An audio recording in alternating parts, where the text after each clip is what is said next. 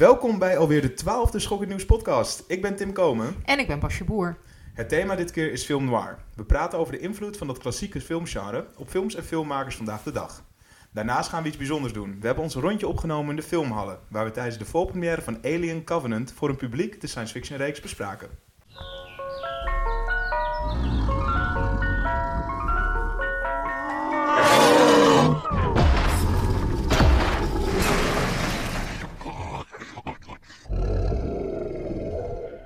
Voor ons thema film noir hebben we filmmaker Sander van Dijk uitgenodigd. Hij maakt als afstudeerfilm Dark Machine en is nu bezig met een nieuwe productie. Daar later meer over. Ook Julius Koetsier zit bij ons aan tafel. Hij is redacteur van zowel Schokkend Nieuws magazine als de Schokkend Nieuws podcast. Ja, en de Schokkend Nieuws podcast is het kleine zusje van Schokkend Nieuws magazine. Iedere maand gaan we in gesprek over genrefilms zoals horror, cult, fantasy en animatie. Straks hebben we ook nog de vaste columns van Hedwig van Driel en Erik van het Holt. En we gaan weer vooruitblikken. Dit keer kijken we wat er zoal aan genrefilms in première gaat tijdens het Fancy Filmfestival van Cannes. Maar eerst, zoals gezegd, beginnen we met het rondje en we nemen je graag mee naar de Amsterdamse bioscoop, de Filmhallen, waar we in afwachting van de nieuwe Alien-film de reeks onder de loep namen.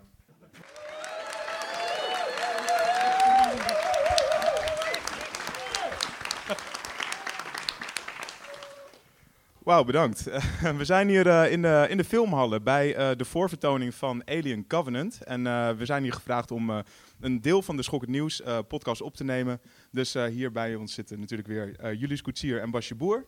En we gaan chronologisch de Alien films kort bespreken. Of tenminste de paar die wij hebben gezien. Want we hebben er ieder eentje voorbereid. om maar even chronologisch te beginnen. Basje die heeft Alien gekeken. Julius die heeft Alien 3 gekeken. En ik Prometheus. Dus daar uh, gaan we het over ja, hebben. en ik dacht misschien is het nog leuk om ze eventjes allemaal nog door te lopen. Je had dus Alien uit 79 van Ridley Scott. En dan in 86 Aliens van James Cameron. Dat zijn dan wel eigenlijk de bekendste. En daarna in 92 David Fincher met Alien 3. 97 Alien Resurrection van Jean-Pierre Jeunet. En daarna nog twee Alien vs. Predator films. En dan had je in 2012 weer Ridley Scott met Prometheus. Even rap er doorheen. En nou, dan maar meteen aan jou de eerste vraag. Want wat uh, heeft Alien de tand destijds doorstaan? Ik weet dat het een beetje een criminele vraag is, want natuurlijk. Ja. Wat vind jij? Ja, nou natuurlijk. Um, ja, het is wel echt een klassieker. Het is, um, het is niet gedateerd. Ik weet niet. Dat, dat, ik, maar je, je ziet wel de tijd erin terug. Uh, 79 dus. Ik vind dat je heel erg zowel de jaren 70 als soort van het begin van de jaren 80 erin terugziet. Dus dat zie je wel, maar dat, dat ma maakt niet uit. Het is een hele clean film. Het is een heel strak scenario en heel, ja, het gaat, het, het, het neemt je heel erg zo mee. En um, ja, ik weet niet of dat betekent dat het daardoor een klassieker is, maar ik vind zeker dat hij de tand destijds heeft doorstaan, ja. Want het is natuurlijk, hij kwam net na Star Wars uh, destijds. Uh, dat was natuurlijk eigenlijk een veel lichtvoetigere film dan Alien. Uh, ja. wa, kun je een beetje het contrast tussen die twee films aangeven voor dat tijdsbeeld? Ja, totaal iets anders. Want Alien is natuurlijk, nou, net als de film die we net zagen, body horror. Uh, maar er zit ook een beetje, vind ik, een zweem van de paranoia-thrillers uit de jaren zeventig in. Um, het, leunt heel erg op sfeer en dan schokmomenten ook. Maar het is heel erg zo die, paranoia van dat je opgesloten zit met elkaar en met een monster in, in space. In space, no one can hear you scream. Dat is natuurlijk uh, uh, waar die hele film om draait. Dat die, die drukkende sfeer. En dat, um, ja, misschien is dat wel wat hem zo tijdloos maakt.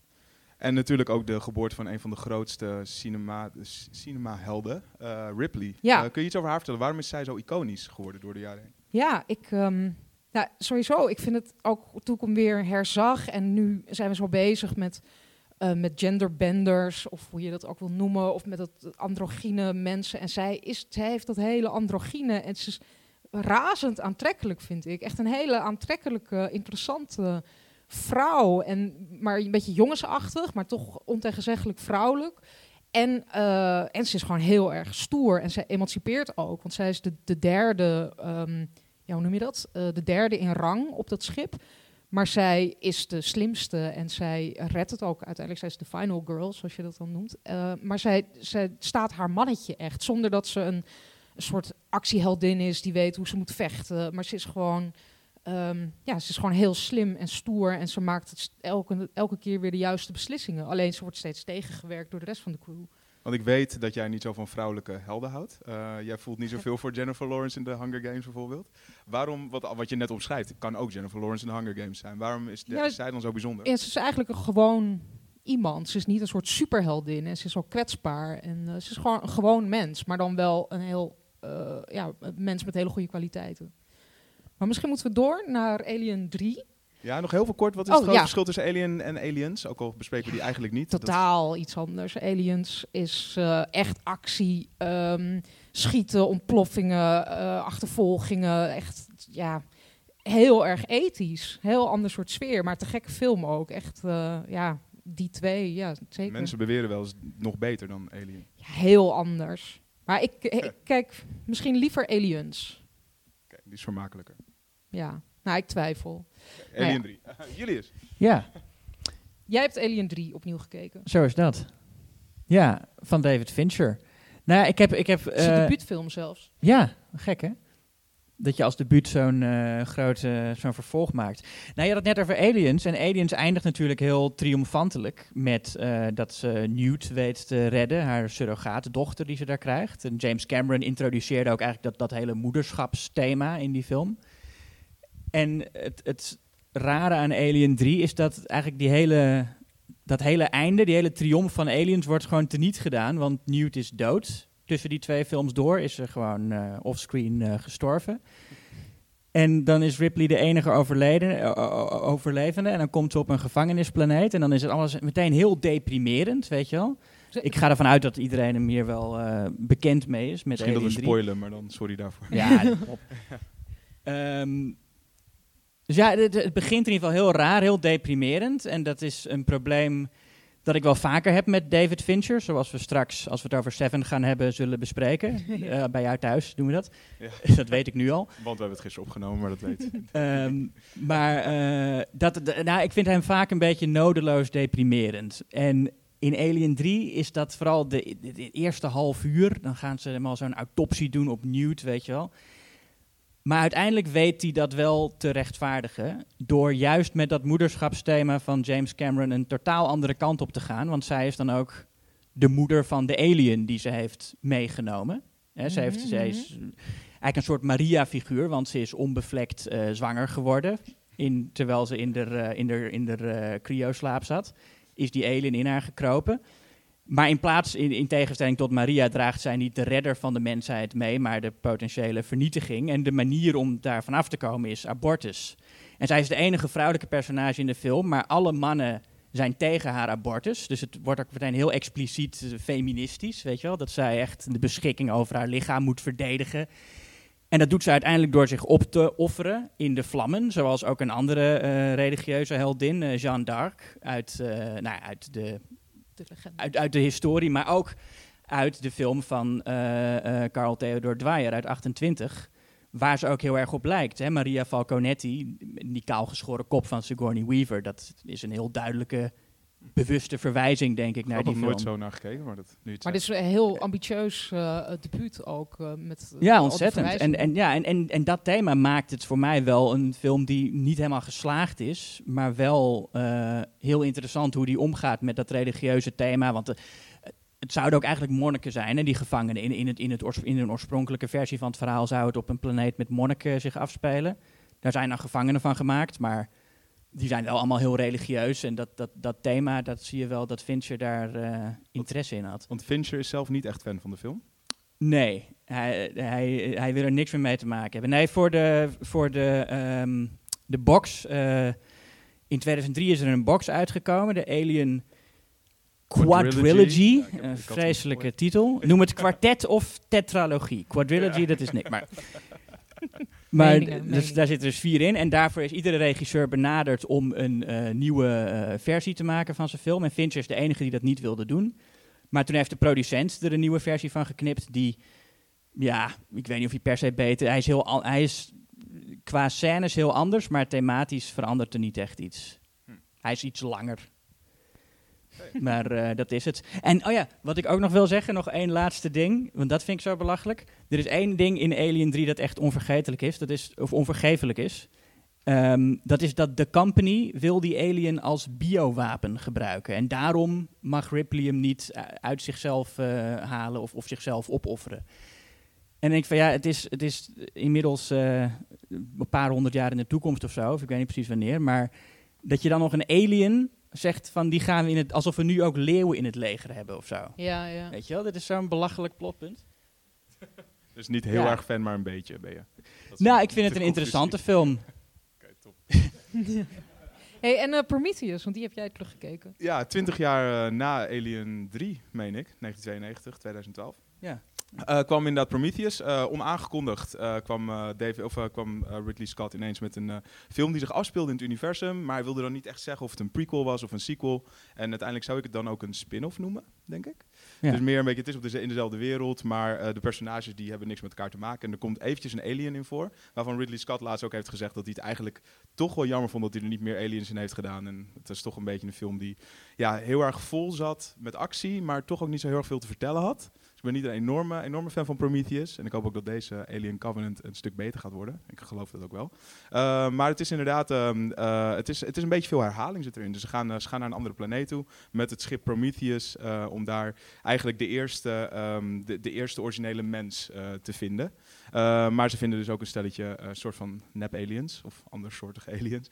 En, ze, aliens. Ze, ze, ja, ja. En, ze, en, ze, en ze lopen veel in grotten. Ze rennen veel en er gaan wat mensen dood. En Charlize Theron die is een bad guy. En dan uh, is er... nou, natuurlijk, kijk, iedereen heeft natuurlijk die, die onthouden. En nadat die abortusscène na een uur kwam, toen dacht ik... We moeten nog een uur en wat gaat er nu ook weer nog, gebeuren? En daarna heb je nog heel veel achtervolgingsscènes door gangen en dan eindigt die film. Dus ik was niet enorm onder de indruk van Prometheus. Maar dat vind ik ook zo gek. Want je hebt eigenlijk bij, bij al die alien films, voor zover ik ze heb gezien... Um, zo'n plot dat alle kanten op gaat, terwijl die eerste juist zo super strak is. En daarna zijn ze allemaal een soort van maar ingewikkeld gaan doen. Maar het is ook elke keer overgeleverd aan een andere regisseur natuurlijk. Dus Zeker, als Ridley Scott maar, al die films ja, had gemaakt. Maar die Ridley Scott heeft nu met Prometheus heeft hij ook weer heeft hij, is hij niet bij, bij dat, dat, dat format gebleven. Die is Nee. hij, Maar dus Ridley, Scott is. Ridley Scott is al een tijdje uit zijn element. Ik bedoel, Ja. als je na The Martian is natuurlijk een hele mooie, oprechte film of zo, maar tegelijkertijd valt het helemaal buiten zijn oeuvre. En verder is hij, eh, nou ja, wat hebben we, ja, Blade Runner is natuurlijk te gek, maar daar... Ja, vind ik ook een beetje over. Maar Ja, ik, ik ja, vind het sowieso heel jammer dat hij eh, deze ook gemaakt heeft. Want wat leuk aan Alien is dat... ja, en, en die we straks gaan zien, vind ik ook... eh, ja, Waarom? Leuk, Nou, heel veel omdat- plezier jongens vanavond bij eh Alien. nou ja, omdat ik vind, ik, ik vind Ridley zeiken. Scott eh, heeft sowieso maar iets van twee of drie goede films Ja. gemaakt. Maar eh, ik- het leuke aan Alien was altijd dat iedere film een, een nieuwe auteur had en ook echt in de stijl van die persoon was. En of Ja. wat, je, wat je ook van Resurrection en Alien tot de derde macht vindt. Het zijn wel echt films van David Ja, Fincher en het- Jeunet. Maar ik ben het niet helemaal met je eens, dat, want ik bedoel, nu is, is, is Ridley Scott wel weer aan boord. Het is wel zijn kindje. Het is wel tof dat hij juist die hele serie weer een nieuw leven inblaast en ook Maar een hij visie is- heeft. Hij is wel vergeten wat zijn kindje is, denk ik. Nou, de effectiviteit van. Alien. Nou ja, en het is gewoon een nieuwe reeks. Je hebt gewoon de, de eerste vier, dan heb je de gekke Alien versus Predators. En dit is toch een nieuwe... Hij probeert iets nieuws te doen, dat, dat denk ik. En, eh, en het schijnt inderdaad dat, dat deze, die we straks gaan kijken, wel echt beter is dan Prometheus. Dus laten we hopen dat het, dat het steeds beter en laag- beter laag- wordt. Of misschien is het gewoon de episode 1 tot en met 3 van eh Ridley Star Scott. Wars. Dat kan ook. Ja. maar eh, nou ja, jongens, veel plezier straks. Wij zitten ook nog in de zaal, dus als jullie nog vragen hebben, dan eh tik ons even aan. En heel erg bedankt voor jullie aandacht en eh, veel plezier.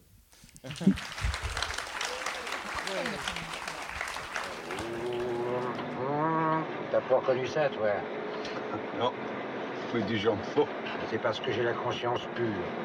sans blague.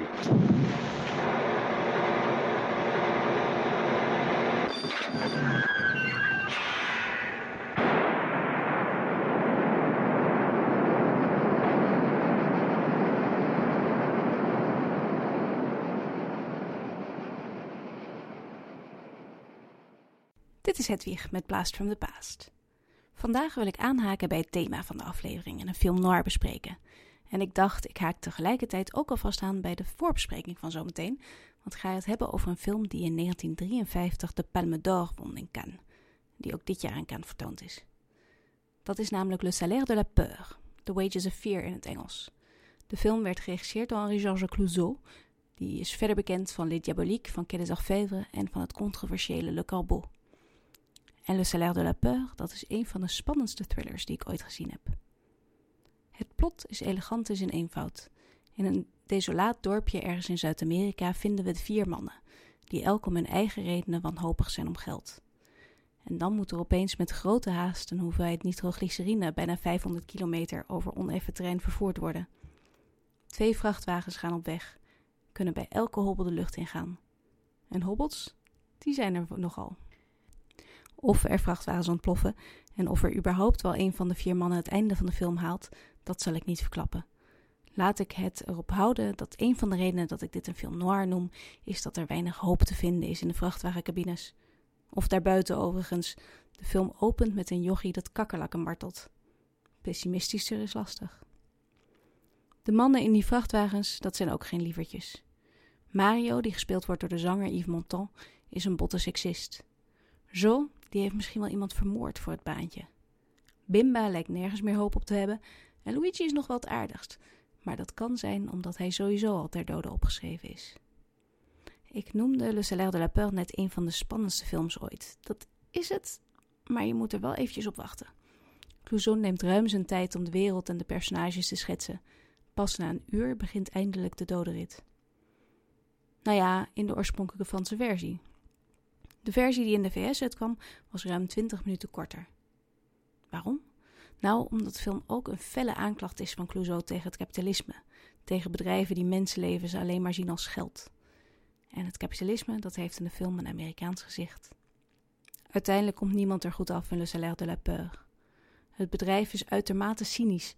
Het recruteert bijvoorbeeld juist deze mannen omdat ze geen lid zijn van de vakbond en dus geen bescherming hebben. Niemand zou om hun verlies rouwen. Maar de mannen zelf, die zijn ook niet onschuldig. Omdat zij zelf bereid zijn om hun leven op het spel te zetten voor geld, helpen ze het kapitalisme in stand te houden. Le Salaire de la Peur is duidelijk niet een film gemaakt door iemand met een overschot aan vertrouwen in de mensheid. Dat maakt het uiteindelijk ook een film noir. En dat het de Palme d'Or won, nou dat heeft er vooral mee te maken dat de film het maatschappijkritische van die eerste helft combineert met een tweede helft waardoor je echt de hele tijd op het puntje van je stoel zit. En het is maar de vraag of een van de films die dit jaar in competitie draaien daar tegenop kunnen. Dit was Hedwig met Blast from the Past. Terug naar de rest van de podcast. Dankjewel Hedwig. Wij zijn weer terug aan de keukentafel en we gaan verder met het themagesprek Wat is de erfenis van film noir? Licht dat zich door luxeflex perst en een gefragmenteerde schaduw werpt. De verleidelijke blik van een vrouw van wie je weet dat ze no good is. Een van fataal. Een gevatte privédetective wiens geplaagde ziel schuilgaat achter cynische grappen op de voice-over. Of een everyman die ten prooi valt aan het genadeloze noodlot. Noem deze elementen en je weet waarover het gaat. De film noir, het genre dat in 1941 begon bij John Huston's The Maltese Falcon en eindigde bij Orson Welles' Touch of Evil uit 1958. Toen in het bevrijde Parijs van 1946 mis ik, vijf Hollywoodfilms werden vertoond die de Fransen tijdens de Tweede Wereldoorlog hadden gemist, waren zij het die de balans opmaakten. Hollywood was cynisch geworden. De Franse filmcriticus Nino Frank was de eerste die de term liet vallen. Film noir, duistere cinema over de gedoemde mens in het verlengde van de hard-boiled literatuur van Raymond Chandler en Dashiell Hammett, die Private Eyes, Sam Spade en Philip Marlowe leverden. En ook letterlijk duistere films, vol slagschaduwen, contrast en scheve kaders. Een aan het Duitse expressionisme ontleende beeldtaal die door gevluchte Europeanen als Frits Lang, Otto Preminger en Billy Wilder nog voor de oorlog waren meegenomen naar Hollywood. Eind jaren 50 was het genre uitgeput, maar reeds in 1974 werd de erfenis van film noir al zichtbaar. Met Roman Polanski's Chinatown was de neo-noir geboren. De vraag die we nu stellen is: wat is vandaag de dag de erfenis van film noir? Dus die vraag stel ik ook aan jullie. Julius. Hallo. Of laten we het eerst hebben over film noir. Is film noir een genre? Daar, daar, daar zijn we het over oneens, geloof ik. Uh, ik. Ik vind dus van niet. Waarom niet? Omdat um, nou, toen de film noirs gemaakt werden, werd die term in Hollywood eigenlijk niet gebruikt. In, in Frankrijk wel, maar het is eigenlijk pas in de jaren zeventig dat mensen in Hollywood het echt gingen hebben over films noir. Dus in, toen die gemaakt werden, heten ze gewoon melodrama's. En, niet thrillers? Nee, nee, het werd meestal melodrama genoemd. Echt waar? Ja. Is nee, maar ook omdat heel veel films die toen uh, noir genoemd werden, De, de, een, van, een van de eerste films die film noir genoemd werd, was bijvoorbeeld The Last Weekend van Billy Wilder. Ja, maar dat, dat, is niet nu een film die je als film Nee. noir zou beschouwen. maar dat vind ik dan ook wel een van de weinigen die, dan, die je zo makkelijk in het melodrama eh, eh, hoekje zou kunnen duwen. Ehm, nou ja, maar dat maar melodrama betekende toen ook iets anders. Was meer sensationeel en weet je wel. En de, ook gangsterfilms waren ook melodrama's. Ja, ja, ja.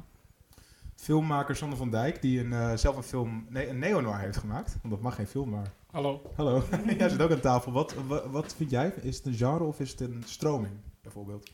Eh, ik vind het moeilijk te zeggen. Ik denk dat het meer een stroming is, omdat, er, omdat het ja, best wel breed is. En ook omdat het op een gegeven moment gewoon is opgehouden met bestaan na Touch of Evil, volgens de historici. Dus ik zou het ook meer een stroming noemen dan echt een genre, denk ik. En Ik zou het meer een sfeer noemen of een gevoel. Dat is eigenlijk vooral... Maar het eh, heeft wel van die regels. En dat doet me dan toch denken dat het, dat het in een hokje van een genre past. Want volgens mij is een genre ook heel erg een, een hokje en een Maar- soort label. Wat zijn dan de regels? Ehm, nou, je hebt bepaalde elementen. Ja, regels is misschien te streng. Maar je hebt wel bepaalde elementen waarvan je toch wel verwacht dat die erin zitten. Eh, zoals nou, dat fatalistische van we zijn allemaal gedoemd. En er, eh, ehm, ja. Ja, oké. Ehm, Stijlelementen. stijlelementen, absoluut. Van, van taal zit er heel vaak in. Of sowieso een Maar- soort maar- strijd tussen seksen. Ja, oké. Maar dat zijn ook allemaal dingen... Van Fataal is, zit er wel vaak in, maar meestal niet.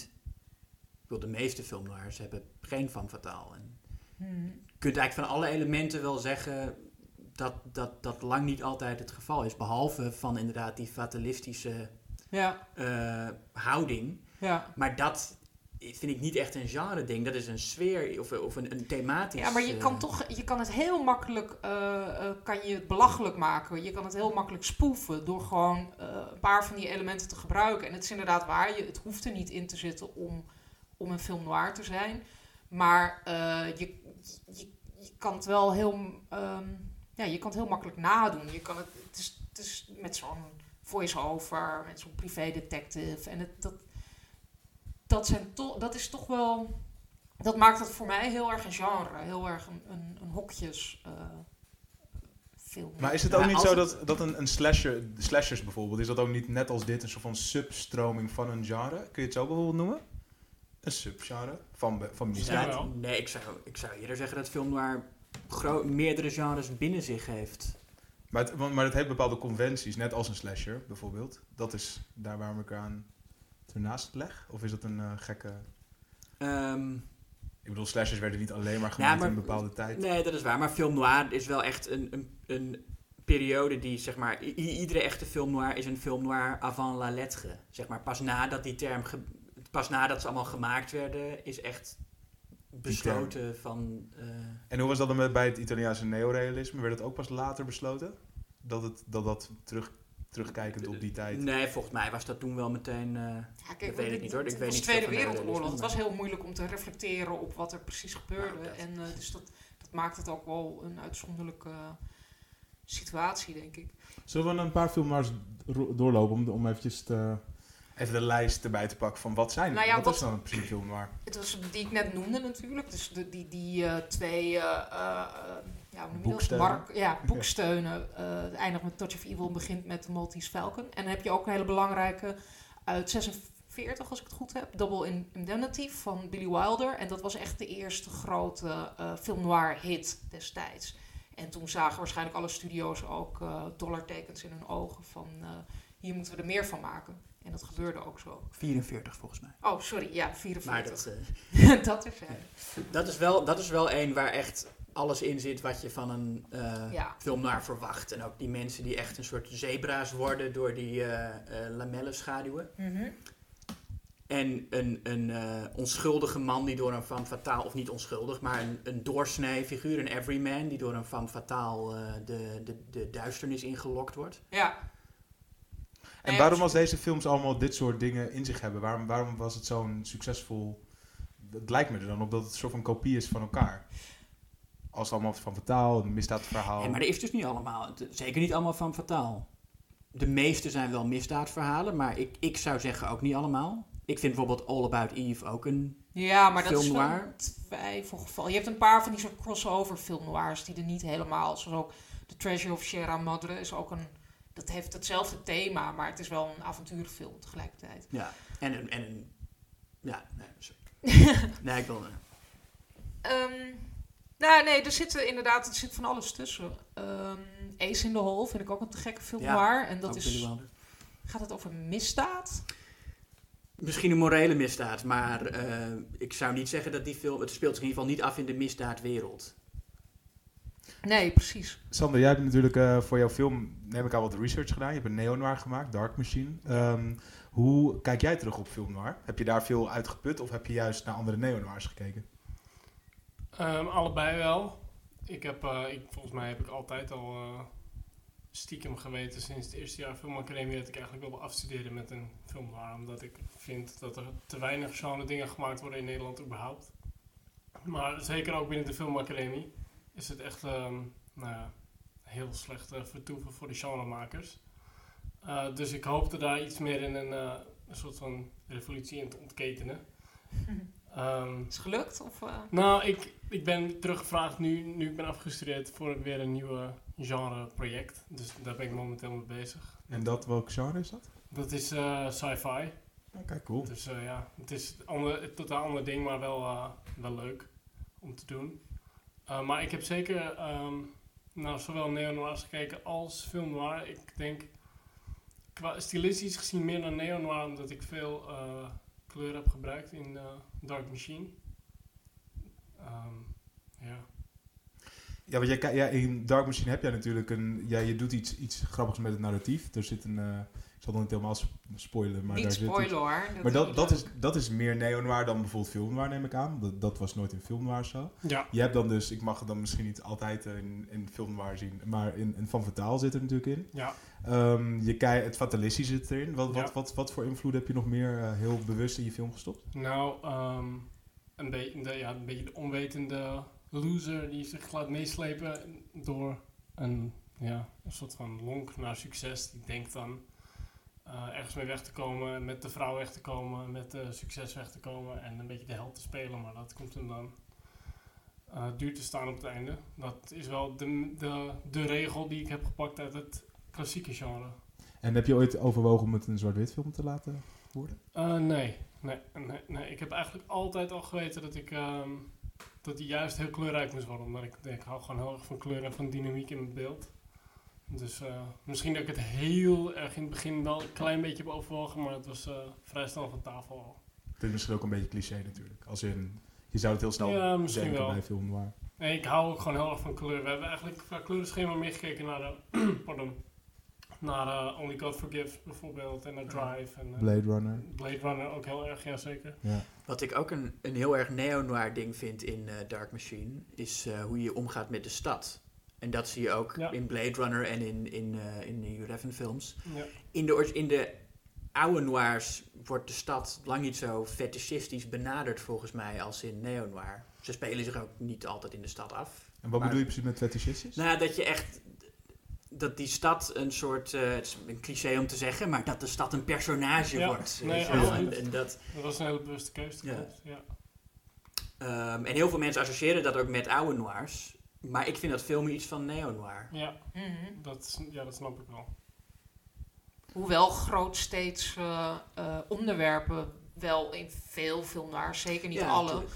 Een, een rol spelen. En, ook heel, en dat is ook die criminaliteit en dat is ook dat socialistische eh, aspect aan film noir van eh, levens aan de zelfkant. En, eh, en dat was iets wat ook, ja, wat, wat die tijd ook heel erg reflecteert. Maar nu ben ik weer helemaal terug naar de jaren 40 en eh, Ja, weg want, van Sanders film. ja, want Nou. wat, wat is er uit de film noir? Wat, wat staat nu nog steeds? ehm, is, er, is er iets, een, een element dat daar is ontstaan in die tijd, wat nu heel erg in films terug is te zien? Of wat daar is begonnen? Ehm, is, ja, ik, dat, dat hele cynische, eh, is dat daar begonnen of was dat daarvoor al? Wat, wat denken jullie? Dat, dat kan ik eigenlijk even niet zo 1, 2, 3... eh, Ja, je had daarvoor wel gangsterfilms.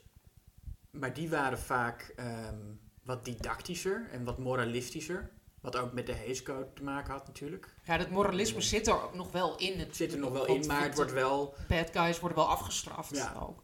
Maar ook heel erg omdat dat moest van de productiecode. Ja. Die eh, vanaf 1934 eh, streng eh, ingezet werd.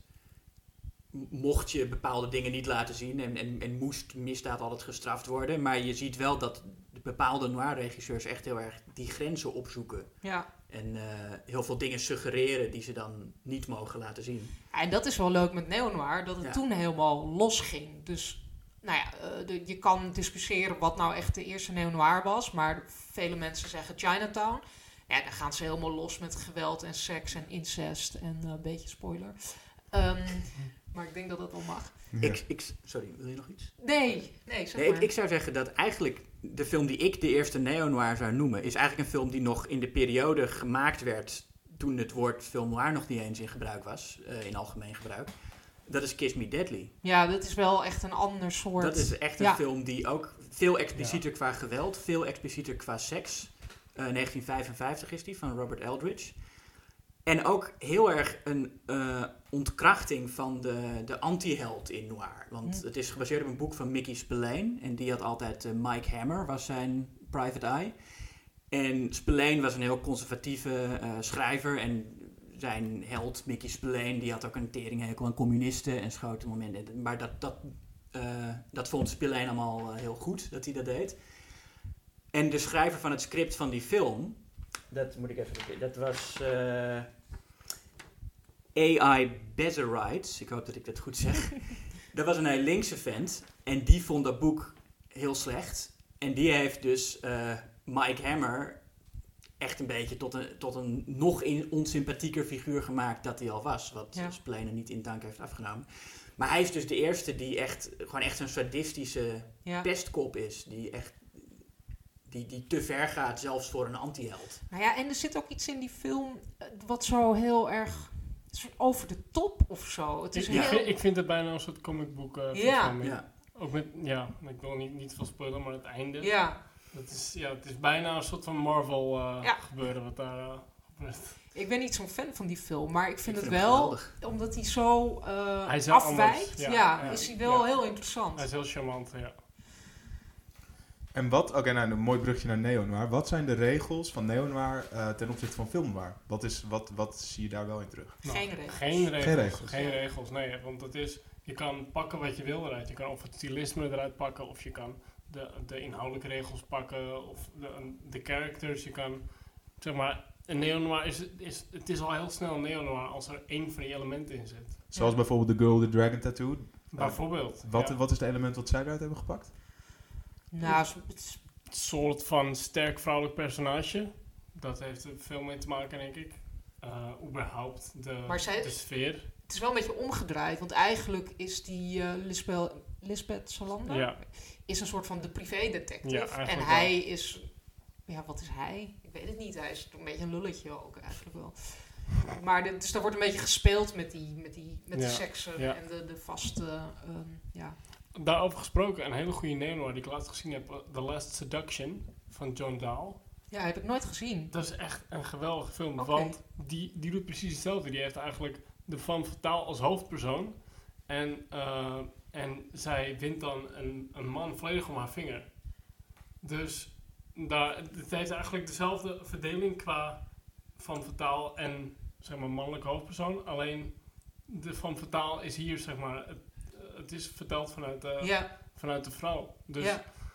het is echt een eh, hele goede neo-noir. Die is zeker aan te raden. ja. Want is dan ook een ehm, eh, film als Basic Instinct? Ja. Is dat een neo Ja, Ja, absoluut. Ah, dat, ja, dat is misschien wel De- een van de klassieke Ja? neo-noirs. Oké, dus zit ik dus op het goede pad hier. ik kijk vooral films van na 2000. Ja. dus voor mij is het een hele ontdekkingsreis. Hoewel Basic Instinct ook wel heel Hitchcock is. ja En maar Hitchcock heeft een aantal film noirs gemaakt.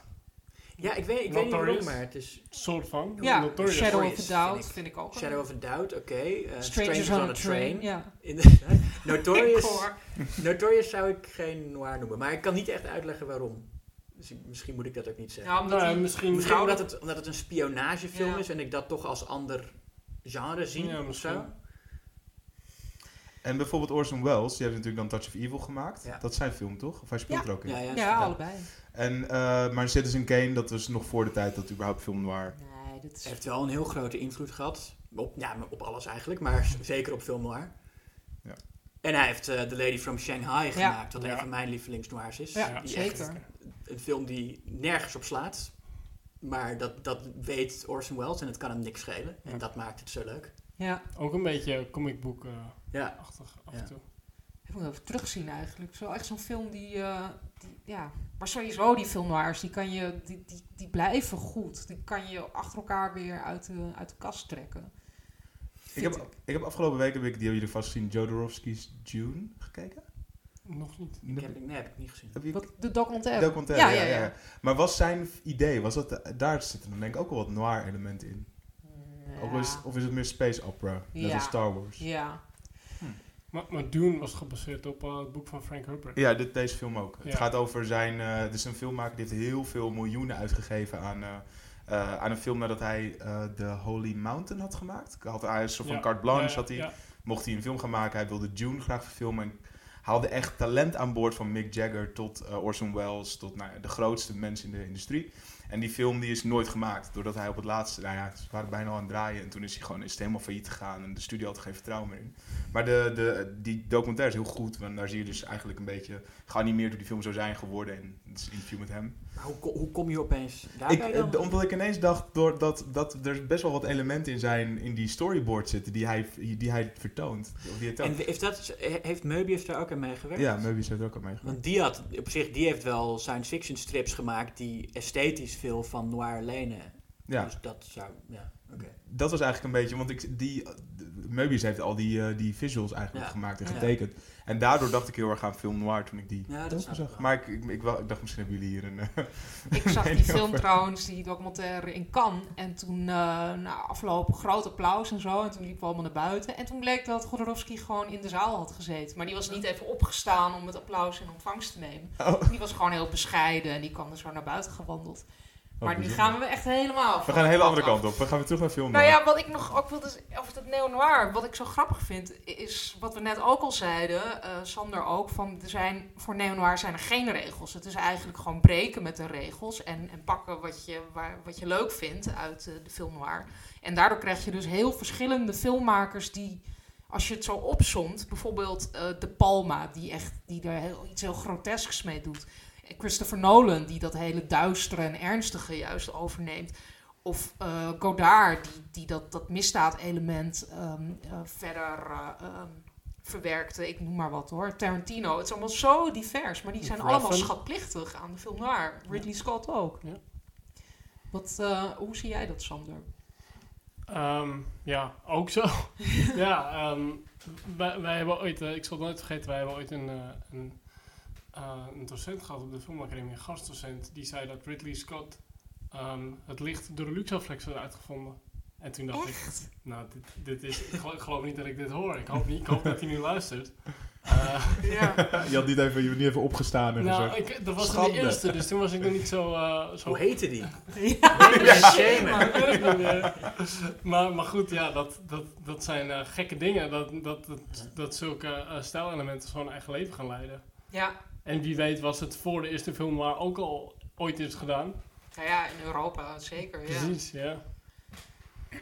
Maar wat, hoe, ik vraag me af hoe het nu verder gaat. Wat, wat gaat, hoeveel kan je nog eh, roven uit de schatkist van film noir, eh, bij wijze van spreken? Hij is zelfs ik, denk, ik denk dat het een tijdloos genre is. Ik Ja. denk dat het... Ja, Dat maar hoeveel, ah, wat, wat kan je nog meer voor gekke andere dingen ermee doen? Of is alles al gedaan? Is, Nou, het wordt wel moeilijker om mensen te chockeren op een gegeven Ja, moment. ja. En eh, weet je, wat, wat. Frank Miller met Sin City deed en, en Robert Rodriguez met die films, is het heel expliciet maken van wat in film noirs verborgen bleef. En dat is nu wel, daar is nu wel het nieuwe vanaf. je zou ook weer terug kunnen gaan en het weer allemaal niet benoemen. En dat het heel erg Ja. sfeer is en, en een broeierigheid. En eh, ik weet het, ik zit er gewoon een beetje hard op te denken. Ja, en ik denk, wel- want film noir, of neo-noir heeft nu ook een beetje zijn eigen visuele stijl. Want je ziet er heel veel die neonkleuren hebben. Wat misschien begonnen is bij Blade Runner of zo. En, en nu zie je dat ook bij Reffen en bij John Wick, wat ook wel eens neo-noir genoemd wordt. Oh ja. Dus dat is nu ook, nu is, nu wordt, nu is neo-noir een, een, een eigen... Neon noir is het. Ja, neon noir, inderdaad. Ja. We hebben toch weer sub-sub-genre. Sub sub show inderdaad, ja. Ja, nou, en dit lijkt mij nog heel leuk om. Kijk, ja, er wordt dus al heel veel gespeeld met, die, met man, vrouw en die rollen die omdraaien en zo. Ik bedoel, film noir deed dat ook al. Ja, Maar daar kan je nog meer mee doen, denk ik. En, dat, en wat ook heel erg typisch is aan neo-noir trouwens, dat de femme fatale nu meest, of heel vaak wint. Terwijl in de oude film noirs werd ze altijd gestraft. ging er altijd aan. Ging er Ja. altijd aan, maar nu zie je heel vaak dat ze ermee wegkomt. Ja. Sharon Stone in Basic Instinct natuurlijk, maar ook... Nou, Ja. Ook een Emancipatie. spoiler. ja, maar ja, dat, Nee hoor. Wat zei jij, Sander? Ik zei emancipatie. Ja, Het gaat daar toch rol in spelen ook, denk ik. ja. Is er bijvoorbeeld, is de tijd misschien rijp om remakes te maken van film noirs? Dus echt alleen uit die tijd. dat lijkt mij eigenlijk wel interessant. Hm. Maar Ja, dan dat wel met aan dat je in plaats van een femme fatale een homme fatale hebt. Dat, dat lijkt me wel... eh, Ja. Nou, de reden dat ik eh eh Dark Machine wil maken ook is ehm, juist om het in de Nederlandse taal te doen was een hele bewuste keuze. Omdat dat zeg maar dan een beetje mijn variatie was op het genre. Omdat het natuurlijk heel erg ehm, een Amerikaans genre is geworden. Ehm, en ik, ja, ik, ik, vond het, ik vond het juist de uitdaging om het ook in de Nederlandse taal te laten werken. En daarom terugkomend op die stad waar we het net over hadden, dat de stad bijna een personage wordt. Dat was ook deels om het los te trekken uit de polder, als het ware. De- om het geen eh, herkenbaar stadsgezicht te geven. Dus, ehm, dus ja, dat, dat vond ik dan wel weer een leuke variatie, omdat het in een soort van naamloze stad, in een naamloze tijd is. Het is, het is niet echt een tijdsbeeld aan te duiden, het is ook niet echt een, een plaats aan te duiden waar het nou zou kunnen zijn, maar het is wel in de Nederlandse taal. En dat, dus het is een soort van ja, onbestemde plek en tijd. En dat vond ik wel, dat was dan mijn variatie op het genre. Ja, ja. Dus in die zin denk ik dat er misschien daar nog wel een en ander te halen valt in de variaties. Is, dat, is dat ook iets wat Seven bijvoorbeeld deed? Die heeft toch ook een, een onbestemde... Ze, ze benoemen nooit welke stad het is. Oké. Ja, Ja, Seven is zeker een neo-noir. ja. Ja. Toch, Julius? Ja. je zei niks. Je zei niks. ik zei nee, maar ik ben het wel mee eens. hè. Ja, een, een schoolvoorbeeld zou ik zeggen. ja. Maar, ook, maar dat is ook in de, je, had in, je had best wel veel. eh, ik- ik gebruik niet graag het woord overschat, maar je hebt best wel veel overschatte neonairs, vind, ik- vind ik. Seven is er een van, The Usual Suspects. En nu zit gewoon in de jaren Seven 90. overschat? eh, ja, wel een beetje. Waarom? Omdat het een film is die heel eh compromisloos deprimerend is. En dat niet echt rechtvaardigt met, een, eh, met, met de diepgang die het pretendeert te hebben, vind ik. Oké. Nou, ben ik het niet helemaal mee eens. Ja, misschien zie jij er meer in dan ik, maar misschien heb ik gewoon niet goed opgelet. Ja, ik vind Maar nou ja, ik weet, ik weet niet of het... Je, je zegt dat, het- meer pretendeert te zijn dan het is. Maar ik, ja, ik zie gewoon een hele grimmige eh, kijk op de, op de wereld. En Ja. ja. dat is het wel, vind ik. Dat is ja, maar dat wel. vind, dat vind ik niet meer genoeg. Nee. Dat- Ik snap helemaal wat je bedoelt, Julius. Maar ik vind nog steeds, het heeft gewoon, het heeft iets lekkers. Ja, dat is heel fout. Het is ook wel een lekkere, je kan er ook wel Het is zin gewoon in lekker, ehm, ja, Maar, maar, maar jij zegt, films moeten nu tegenwoordig, omdat, nou die film is natuurlijk al best wel oud, maar ehm moet het dus een diepere laag hebben of een diepere Nee, betekenis? dat zeg ik niet. Maar een film die zo compromisloos, grimmig en cynisch is als Seven... ehm, Moet je meer te vertellen verwacht, hebben. verwacht ik wel dat hij me ook wat gaat, dat hij me niet voor niks door die mangel gaat halen, weet je wel? Dat, ik, dat er dan wel iets uitkomt van waar ik Ja, maar, maar volgens dan, mij eh, was dat ook de bedoeling van, van Fincher in die zin. Dat hij zei van ja, de wereld is nou eenmaal zo. En er is geen reden voor. En dat doet een Ja, maar toch dat- ook? Saw. Saw bijvoorbeeld, ja. Of, of vertel die meer, want die Ja, ligt een beetje voor nee. mij in de lijn is Seven. dat is wel een hele andere... Nee, maar dan, dan Ja, maar zeg jij wel de rest van de reeks. De, deel 1 is, vind ik, best wel op gelijke voet staan op, met Seven. Nou, Mm, nou oké, qua film, film, filmstijl misschien- misschien niet. Maar Misschien heeft Saw die pretentie niet die, die Seven dan Nee. wel heeft. Met een soort En- dramatische element dat erin zit. En om, om terug te komen op wat jij net zei, Sander. eh, kijk, het kan wel zo zijn dat Fincher dat heeft willen zeggen, maar dat, dat wordt sinds de jaren zeventig al gezegd. Toch? ja. Dus ik, ik, heb, ik heb niet echt meer behoefte aan een film uit de jaren negentig die nog eens gaat vertellen van het is allemaal grimmig en er is geen reden voor. Dat, dat, dat is, ja, jaren zeventig was dat al. Oké. Klaar Nou, voor dat mij. is dan denk ik persoonlijk. Ik, eh, ik ga er wel goed op.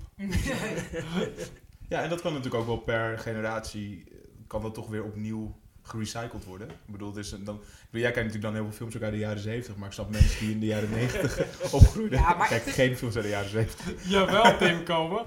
ja, welke dan? Het laatste de jaren 70 film is een tijd geleden, denk ik. Maar ik vind, Seven is gewoon een film die niet helemaal als klassieker uit de strijd gaat komen, denk ik. En wel eh, een interessante film in zijn tijd, maar niet dat je denkt van, oh, nou, dit is een tijdloze film die we, die we in 2000...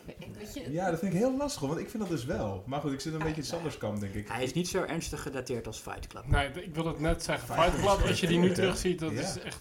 Ik weet nog toen ik die voor het eerst zag, dat was echt een, een, een revolutionaire montage en schokkend. En als je dat nu ziet, denk je van... Ja, misschien zijn we toch een beetje gedeformeerd door alles wat er daarna is gekomen. Ja, nou ja, als een film heel erg in zijn tijd past, dan heeft dat als nadeel dat het, dat het geen tijdloze film Nee. is. Dus dat Ja. hij het niet lang volhoudt. Maar dan is hij nog wel wat waard. En Fight Club zal altijd weer genoemd blijven worden, Ja. omdat hij destijds zo belangrijk was. En denk, denken jullie even, eh, want als je dus kijkt naar David Fincher en je kijkt naar eh, Nolan, maar ook naar Dennis Villeneuve, dat zijn natuurlijk allemaal makers die heel erg noir elementen in hun films, in hun vroegere films deden, maar misschien juist in hun nieuwere films gaan ze iets meer middle of the road of zo, of gaan ze iets, tenminste al kijk je naar Nolan, die komt nu met Dunkirk, ja, wel met Blade met Blade Runner. Ja, dat Maar- is, eh, die gaat Maar dat is, dat is natuurlijk een, een inkoppertje. Ik bedoel, daar is de originele film is, een, is de Ja. neo-noir. Mhm. Eh, maar Arrival bijvoorbeeld was best wel middle of the road qua filmstijl. Daar zit Ja, niet heel zeker. veel Is dat iets wat, wat een filmmaker moet gaan doen als hij nu wilt opvallen? Dat hij uit een stroming iets heel erg... Nou, net wat jij misschien met Dark Machine doet, weet je wel. eh, Iets heel erg gaat, gaat pakken en dat gaat, gaat verfilmen in, in een, zijn- op zijn eigen manier. En dat hij daarna langzaam weer naar Ja, misschien wel. Ik J.J. Abrams... eh, ik denk, ik denk van- sowieso dat het... eh, ja, er zijn natuurlijk twee soorten van filmmaken. Ik bedoel, je hebt het filmmaken in Nederland en je hebt het filmmaken in Hollywood. Ik Ja. Dat is natuurlijk een soort van wereld van verschil. Ehm, maar als ik voor mezelf spreek, dan... Ja, ik, ik vind het wel fijn dat ik niet een huistuin- en keukendrama gemaakt heb. En dat ik juist iets heb gemaakt wat, wat opvalt. Ook stilistisch gezien, maar ook ehm, narratief gezien. Eh, om, ja, ik bedoel, het werk is wel beperkter. Ik bedoel, het aanbod is, is beperkter in die zin. Maar ik, ben, ik heb geen spijt dat ik het gedaan heb. Want ehm, ik denk dat ik wel daarmee dichter bij mezelf ben gebleven. En ik denk dat dat ook is wat al die regisseurs die jij net noemde ook eh, doen. Ja, ik bedoel, mijn, mijn afstudeerfilm was ook een, eh een Exact, genrefilm. Dus ik bedoel, ik begrijp heel goed wat je, wat je Ja. daarmee bedoelt. Ehm, maar is dat, je denkt dus, je, nu nog steeds denk je, dit is de manier van, ik namelijk ook, maar dit is de manier van opvallen als Nederlands filmmaker, is juist een genrefilm. Als Nederlands filmmaker, absoluut. Want er worden veel te weinig genrefilms gemaakt in Nederland. Ja. Ik- Komt dat omdat er geen vertrouwen is? Dit is een hele andere discussie. Eén korte vraag. Nee, eh, omdat er ga, geen- maar, geen- ga los. Ehm, ik denk, ik denk dat, het een, dat het een soort van paradox is. Want er is geen vraag naar omdat het niet gemaakt wordt. Maar het wordt niet gemaakt omdat er geen vraag naar is. Maar als iemand het probeert, zoals eh, dat kan weer met Dick Maas en Prooi, dan gaat hij, dan flopt hij. Ja, maar ja. Maar dat komt ook omdat Prooi gewoon geen goede film is. Ja. Maar worden er dan, wat is wel een goede eh, eh, genrefilm, grote genrefilm voor de laatste... Nou, ik vind dat Max Porcelein heel goed eh, bezig is met Oh, eh, ja. Plan C en De Grote Zwaan. De Grote Zwaan, ook een soort van neo-noir. Een beetje Coen Brothers-achtige kant op. Dat, dat vond ik echt een hele, hele goede Nederlandse poging om... Nee, Nederlandse poging klinkt echt heel stom. maar, een, maar, maar een poging om, om gewoon een... eh, ja, om, om iets heel eigenzinnigs, maar toch... Ja, origineels en, en he- toch herkenbaars neer te zetten. In, in een soort van genreveld. Ja. Ik vond het echt heel geslaagd. En, en bijvoorbeeld eh Prins of Wolf, zijn dat dan films die... Want dat zijn in feite, we raken die wel genrefilm aan. Ja. Het is geen huis- en een keukendrama. Nee. Ja, Wolf die is natuurlijk heel erg Lahen-achtig eh, geïnspireerd. Ehm, En Prins wel ergens een beetje Raven-achtig. Als je kijkt naar... Ja, Ja. wat- hoe zou je dat kunnen Ja. typeren, die ja, film? Prin- Prins is, vind ik best wel uniek. Ja, Ik vond ik vind ook het- een goede Ik vind het best wel knap wat eh Sam de Jong daar eh, gedaan heeft. Ja. En Maar- goed gelukt ook. Maar beide films, ehm Plan C is volgens mij een redelijk aardig succes geworden. Maar eh, Prins en Wolf zijn allebei eh, niet hele grote successen geweest in de bioscoop. Dus is het dan ook, is er gewoon een... Ik weet dat we allemaal het wachten zijn nog steeds op de nieuwe romantische comedy met Chantal Jansen. Wij allemaal hier aan tafel. Ja. dat is de rest van Nederland. Ja, maar ik bedoel, ja, is er dan geen ruimte voor dat soort films? Maar oh, sorry, ja, zeg maar. Ehm, ik denk dat... eh, ja, ik denk dat als die films gemaakt worden, dat, dat er mensen naartoe gaan. Oh, Kijk, in Nederland heeft het ook heel erg te maken met, met, met, eh, met marketing. Want je, je wordt doodgegooid met films waar eh, GTS-acteurs in zitten. En half Nederland kijkt daarnaar. Dus iedereen kent dat. Iedereen denkt, oh, bekende koppen, daar ga ik naartoe. En ja, als er een keer iets nieuws geprobeerd wordt. Film leeft sowieso minder in Nederland dan in de rest van Europa. eh, naar mijn idee. En ja, mensen zijn gewoon heel picky in wat ze willen zien. En als ze goede dingen over iets horen, dan gaan ze er naartoe. Ja. En ik weet, ik weet dan niet precies wat de reden is dat, eh, dat Plan C wel succesvol was. Of, en Wolf misschien minder. Ik weet de cijfers daar ook niet van. Nee. Maar is plan C, was dat niet ook gewoon een heel laag target? En dat hij het toen goed deed voor de target? Want volgens mij was dat gewoon een hele kleine film. Dat, dat zou kunnen, ja.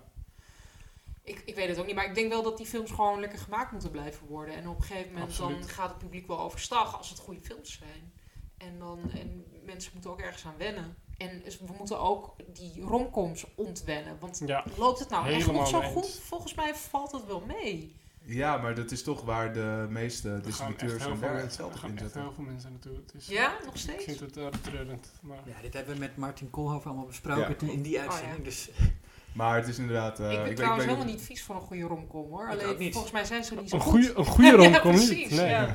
Nee. Terug naar Film Noir. Oh, ja. Ehm, wat, is, eh, wat, wat zijn de... de, de- nou, ik weet, ik weet weinig van dit genre. Dat, dat weten jullie wel. Wat, welke films moet ik nou echt zien binnen Film Noir? In a Lonely Place. In dat Ah, ja. Place? Die vind ik echt te gekke film noir. ja, zeker. Eh The Big Heat Ja. is er een, een heel, dat is een heel typisch is van Fritz Lang. En daar zitten heel veel dingen in die je verwacht bij een film noir. Wat hem vrij uniek maakt is de hoofdpersoon die ehm, is, is in het begin nog geen, geen anti-held. Hij is echt een van de meest moreel juiste eh, protagonisten uit de, uit de hele film noir. Maar hij is wel, hij, op een gegeven moment gebeuren er dingen en dan wil hij wraak nemen op criminelen. En dan wordt hij steeds onverantwoordelijker en brengt hij mensen in gevaar. En het, het gekke is dat die film erkent eigenlijk nooit hoe onverantwoordelijk hij is. Dus het is een soort duisterheid die je er zelf in moet lezen als kijker. En verder eh, is dat ook ja, gewoon een hele lekkere, typische... Fritz Lang heeft sowieso heel veel goede filmwaars gemaakt, vind ik. Eh, Zeker. hij is eigenlijk ook met M, zou je kunnen zeggen, een, een voorloper van de film waar. eh, Proto eh, ja. film noir. Ja. Ja. In a Lonely en je Place. hebt- ja, Oh ja. Nee, dat was Lonely de Big Heat. Oh, sorry, Big de Big Heat, ehm, In The Lonely Place is, eh, is eh, eigenlijk heel erg een liefdesverhaal. En eh, ik kan niet zo 1, 2, 3 de plot eh, naar boven halen. Maar ik vond het gewoon heel sfeervol. Het, echt, het raakt me echt het einde. Dus werkelijk tragisch. Ja. En het begint dan ook met dat hij zo in de auto zit. En dan in die, die achteruitkijkspiegel. Kijk, het is gewoon... Het, het, het ziet er super mooi uit. Het is echt zo heel eh, klassiek. Ja. eh, Rififi zou ik nog zeggen, Ja. een Franse. Ja, Van, dit is ook eh, een van mijn favorieten. Van Jules Dassin, die vaak onterecht Jules Dassin genoemd wordt. Want Oh. mensen denken dat het een Fransman is. Oh. Maar hij is gewoon een Amerikaan die eh geblacklist werd. Dus omdat hij communist was, mocht hij niet meer in Hollywood eh, werken. En toen is hij naar Frankrijk gegaan en toen heeft hij daar eh, een aantal eh, Franse films gemaakt. Maar hij heet gewoon Jules Dassin. En Rififi is een hele leuke heistfilm. Met Ja, maar een heel echt- goede heist. Die heist is Helemaal in stilte. Ja, zonder, ja, dat is zo, en het gaat maar door. En het Ja. is zo spannend. Ja. Het is echt de moeite waard. Hij heeft trouwens ook nog een heel mooie gevangenis noir gemaakt in Amerika voordat hij naar Frankrijk ging. eh, Brute Force. Oh ja. En die is ook echt. eh, Gevangenis Noir? Ja, Noemen we dat zo? nou ja, Oh, het is een oh, die zich in een gevangenis afspeelt. Oh, eh, en met, Zo. met een ontsnappingspoging en zo. Ik dacht weer een sub-sub van Nou ja. Een prison noir. Ja, en die, daar zit ook echt heel veel brute kracht in. Die, die film is uit de jaren 40 volgens mij. Maar je zou echt zeggen dat hij uit de jaren 60 komt. Als je dat, de, de, de hardheid van dat geweld en de, de, de plotselingheid ervan. Tof. Ja. Sander? Eh, ik zou wel een hele goede neo-noir willen noemen. Ja. De Samurai Ja. Oh ja, van uh, Melville. Met Alain Delon. Dat vind ik echt een hele goede film. Heel over een, eh, een hele eenzame eh ja, huurmoordenaar die eh, in eh, een soort van exile zit op een zolderkamertje met alleen een pakietje. en eh, ja, het is gewoon een heel goede film. Een heel soort van. Die, die film die zoekt heel erg de, de, de, ehm, de grens op tussen toegankelijkheid, toegankelijk een verhaal vertellen en toch ook wel een hele eigen visie erop loslaten. Ja. En ik vind dat heel knap, ook visueel. Echt, ehm, Maar Melville is e- eigenlijk ook een soort genre op zich. ja, absoluut. Ja. Heel eh, coherent wat die man eh, gedaan Ja. heeft. Tof, ja, ik zie hem hier nu. Ik heb hem nu voor me eventjes. Doe een beetje denken aan Jij zit er heel wat eh, modern. eh, voor jou is Leon een hele oude film. Ja, heel oud. Daar ben ik mee opgegroeid.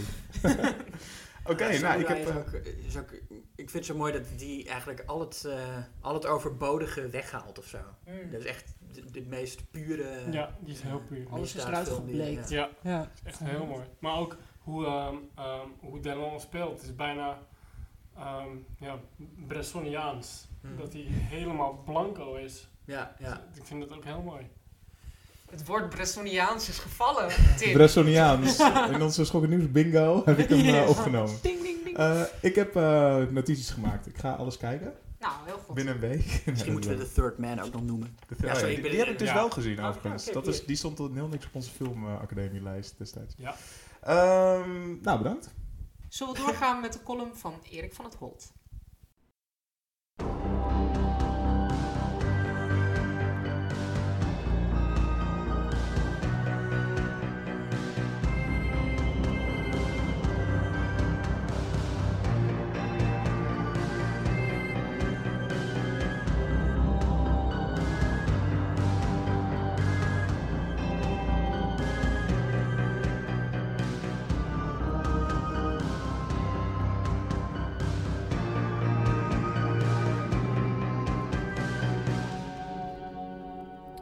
Sinistere thema werd geschreven voor een zeer bekende horrorfilm, maar zal je waarschijnlijk niet bekend in de oren klinken omdat het werd geschrapt.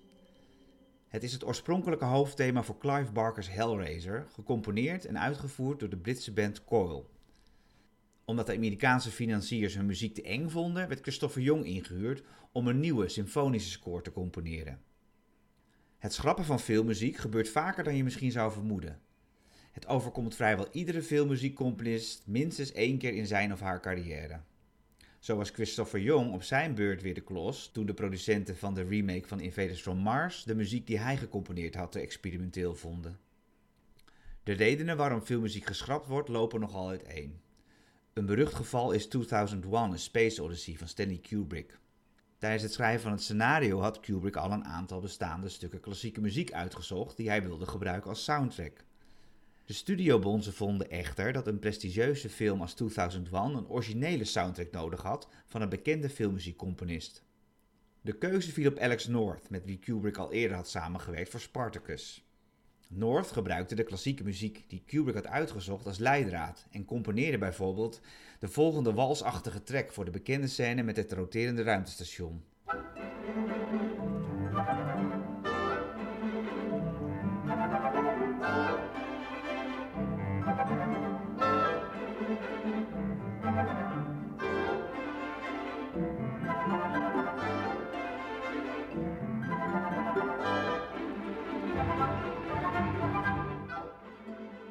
Maar uiteindelijk kreeg Kubrick toch zijn zin en mocht hij de bestaande klassieke muziek gebruiken. Helaas vergat hij dit aan Alex North te vertellen, die er naar eigen zeggen pas bij de première achterkwam dat zijn muziek geschrapt was. Een andere reden waarom muziek vervangen wordt, is dat filmmakers soms niet zo goed weten wat ze willen. Zo had de distributeur van de Italiaanse post-apocalyptische fantasyfilm Yor, The Hunter from the Future, de Britse klassiek geschoolde componist John Scott ingehuurd. Hoewel van meet af aan duidelijk was dat Jor geen Oscar zou winnen, was Scott toch enthousiast, omdat het hem de gelegenheid bood om eens lekker episch uit te pakken.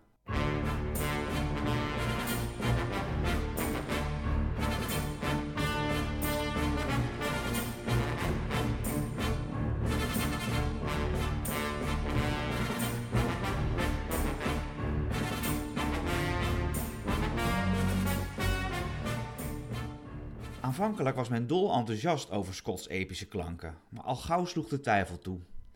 De trend in de jaren 80 voor dit soort films is namelijk elektronische muziek aangevuld met rare popliedjes. Scotts orkestrale muziek leek in de verste verte niet op wat er in vergelijkbare post-apocalyptische troep te horen was. Vervolgens werden B-filmveteranen Guido en Maurizio De Angelis ingehuurd om een elektronische score en een bijpassende cheesy popsong te componeren. En ze stelden niet teleur.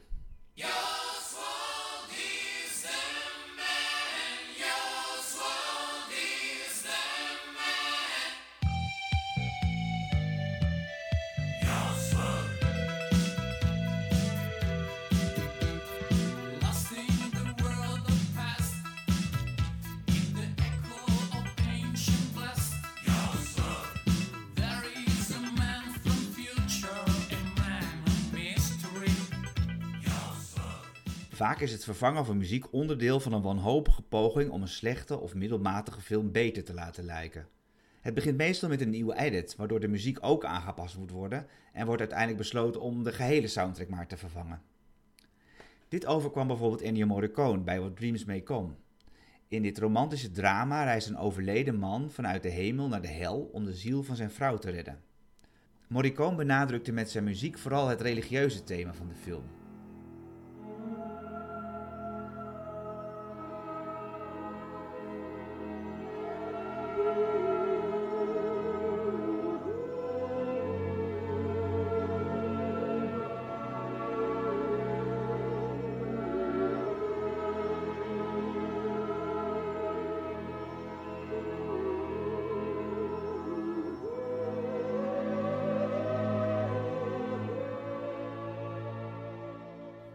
De eerste testscreenings verliepen echter desastreus. Cruciale scènes werden veranderd en het drama wat meer aangezet, waardoor Morricone's religieuze muziek door de filmmakers als over de top werd ervaren. In plaats van Morricone te vragen om zijn muziek aan te passen, werd Michael Kamen ingehuurd om een geheel nieuwe score te componeren. De trieste waarheid is dat het upgraden van een slechte of middelmatige film met nieuwe, betere muziek meestal verspilde moeite is. Het maakt een prul hooguit wat minder slecht, of zoals het spreekwoord luidt: al heeft een aap een gouden ring, het is en blijft een lelijk ding.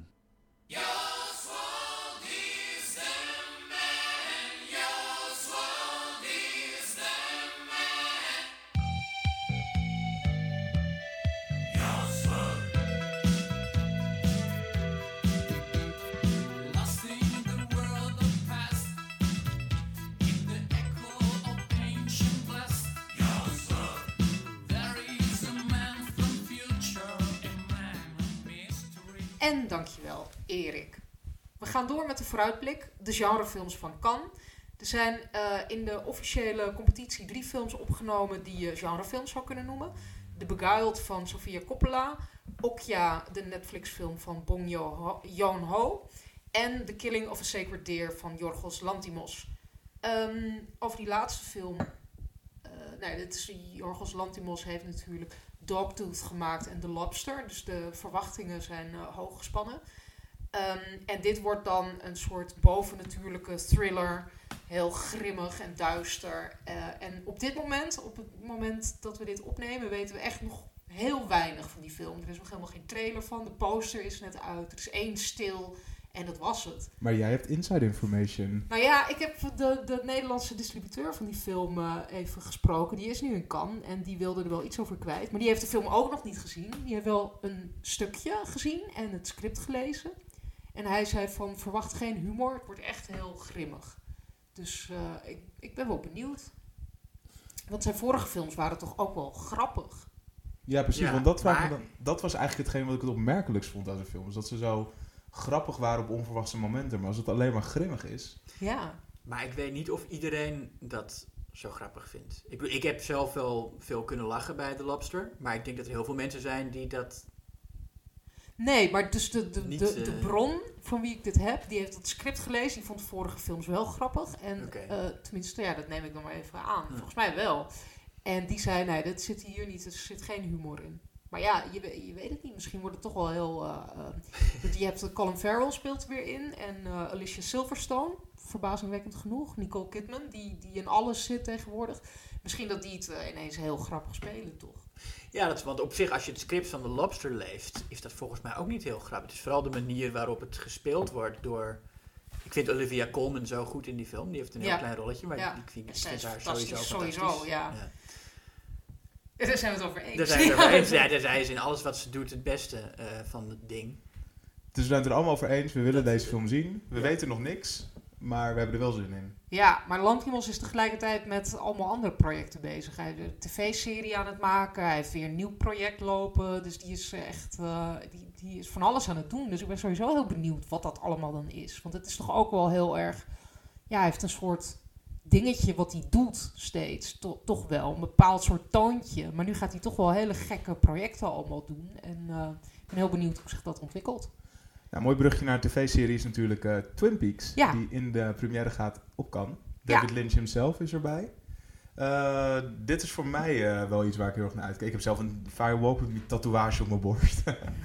maar Sander, jij staat hier, eh, staat hier net op te springen om de nieuwe, nieuwe afleveringen. Ik sta ontzettend te springen. Ik heb al, eh, nou, sinds dat het is aangekondigd, anderhalf jaar geleden, slapeloze nachten. En het wordt, ze worden steeds slapelozer naarmate de uitzending dichterbij komt. Ik ben echt eh, fan van het eerste uur, zou je kunnen zeggen. Ja. Kijk je het nog wel eens terug? Eh, ik heb pas geleden in ter voorbereiding van dit nieuwe seizoen heb ik eh, de hele serie Blu-ray gekocht. En heb ik het weer allemaal opnieuw gekeken. Vind je het dan ook, zoals veel mensen, volgens mij wat je dan zo leest, het een beetje inzakken richting einde seizoen 2? Nadat de moordenaar bekend wordt? Nee, het is juist, het wordt juist, ehm naar het einde van seizoen 2 wordt het weer sterker. Want toen kwam Lynch weer aan, boord. Die was bezig met Wild at Heart in het midden van seizoen 2. Dus die, en Mark Frost is ook bezig met zijn eigen project geloof ik. Die was ook een film aan het regisseren. Dus die, eh, ze hebben het een beetje uit handen gegeven toen, na, inderdaad, eh, nadat ze onder druk waren gezet door de omroep om die moordenaar van Laura Palmer te onthullen. Eh, en toen ze dat gedaan hebben, ja, toen ging het een beetje dwarrelen en het werd een beetje soapy. En het had, ja, Rare sitcom plot het, het, werd echt, het werd echt krankzinnig. Maar zelfs dat... Ja, maar niet, niet op een goede manier. niet, krankzinnig. niet, niet, niet op een goede manier krankzinnig. Het werd echt kwalitatief minder. Uh, maar de kennis dat het wel bij de laatste vijf afleveringen wel weer zeg maar recht trekt, vind, dat vind ik echt. Ik vind het de finale, de laatste aflevering van seizoen 2 vind ik echt fenomenaal. Nog steeds echt televisiegeschiedenis. Ehm, ja, dat, dat, dat biedt wel zeg maar troost als je het weer opnieuw kijkt. Dat je weet van oké, het wordt wel weer beter naar het einde toe. En, en waarom nu nog Twin Peaks? Waarom is het niet iets wat zo heel erg in, die, in dat tijdsbeeld had moeten blijven bestaan met de mythe van David Lynch werd, werd, werd, werd vanaf gekeken, maar daarna heeft hij nog een film gemaakt. Uh, nou ja, ik denk dat het niet zo heel erg in een tijdsbeeld te stoppen valt. Ik denk als er een tijdsbeeld aan te verbinden valt, dat het meer de jaren 50 is dan de jaren 90 per se. Omdat het, ja. het is zo erg. Ja, het is echt helemaal als je die Blu-rays kijkt, omdat er geen zeg maar technische fouten meer in zitten bijna, die je wel hebt als je het op nou, DVD zou kijken. Het is ook wel goed gerestaureerd, maar op Blu-ray het is echt smetteloos. De kleuren die zijn echt die zijn fenomenaal. En als je dat dan terugziet nu nog, vandaag de dag, dan denk je, er is bijna geen, het, zeg maar, het tijdsbeeld waarin het gemaakt is, is bijna niet meer te achterhalen. Omdat het zo ongelooflijk... Uh, maar gaan ze dat denk je in een nieuwe... Nou, we weten nog vrij weinig. Nou, maar... ik, ik vermoed eigenlijk, omdat uh, Lynch nu, nu, nu geen rekening meer hoeft te houden met uh, ja, conservatieve omroepen. En met, aan, bij Showtime verbonden is. Ik vermoed dat het uh, best wel expliciet wordt allemaal. En gewelddadig. En ja. Ja, dus we hebben er zin in. Om, ik heb er ontzettend veel zin in. Ik denk dat het, Lynch noemt het ook zelf, een, geen tv-serie, maar een film in 18 delen. Nou ja, goed. Ik bedoel, dus, hij heeft ooit eens een keertje geprobeerd ja. nog een andere tv-serie te maken. En dat uh, eindigt in Mulholland Drive. Dus, Absoluut. ja. Als we hem mogen ja. geloven, dan is het een... Ik, in Lynch we trust, zeg ik altijd maar. in Lynch we trust. Oké, okay, en dan The Beguiled, uh, de nieuwe film van Sofia Coppola. Een, een soort broeierige, broeierige thriller eigenlijk. Um, het is de tweede verfilming van een boek. En de eerste verfilming is volgens mij uit de jaren 70. En jij hebt hem gezien, Sander? Ja. Met Clint Eastwood. Ja. Um, wat kan je erover vertellen? Wat nou, kunnen we verwachten van deze? Ook een, uh, ik denk dat, dat Sofia Coppola kennende dat hij uh, behoorlijk uh, uiteen zal lopen met het origineel. Maar um, dat was ook een behoorlijk broeierige thriller.